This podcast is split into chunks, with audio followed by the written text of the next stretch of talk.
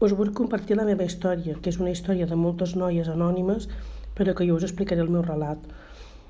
Eh, jo estava molt malament a casa i bueno, vaig decidir trobar una parella i per poder marxar de casa doncs casar-me amb aquesta parella.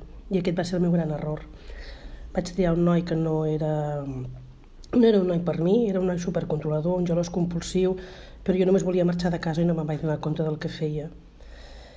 Llavors jo volia sortir d'aquest poma que m'havia ficat i no podia, no trobava ningú que m'entengués, ningú m'ajudava, me vaig sentir molt sola. Amb els pares no hi podia comptar perquè precisament vaig trobar-me amb un problema perquè vaig voler marxar de casa de qualsevol manera. Les amigues tampoc no me feien costat, em vaig sentir realment amb un carreró sense sortida. Llavors, gràcies a Déu, vaig trobar una associació en què em van fer veure, me van fer veure la relació tan tòxica que tenia i em van ajudar a recuperar l'autoestima que havia perdut.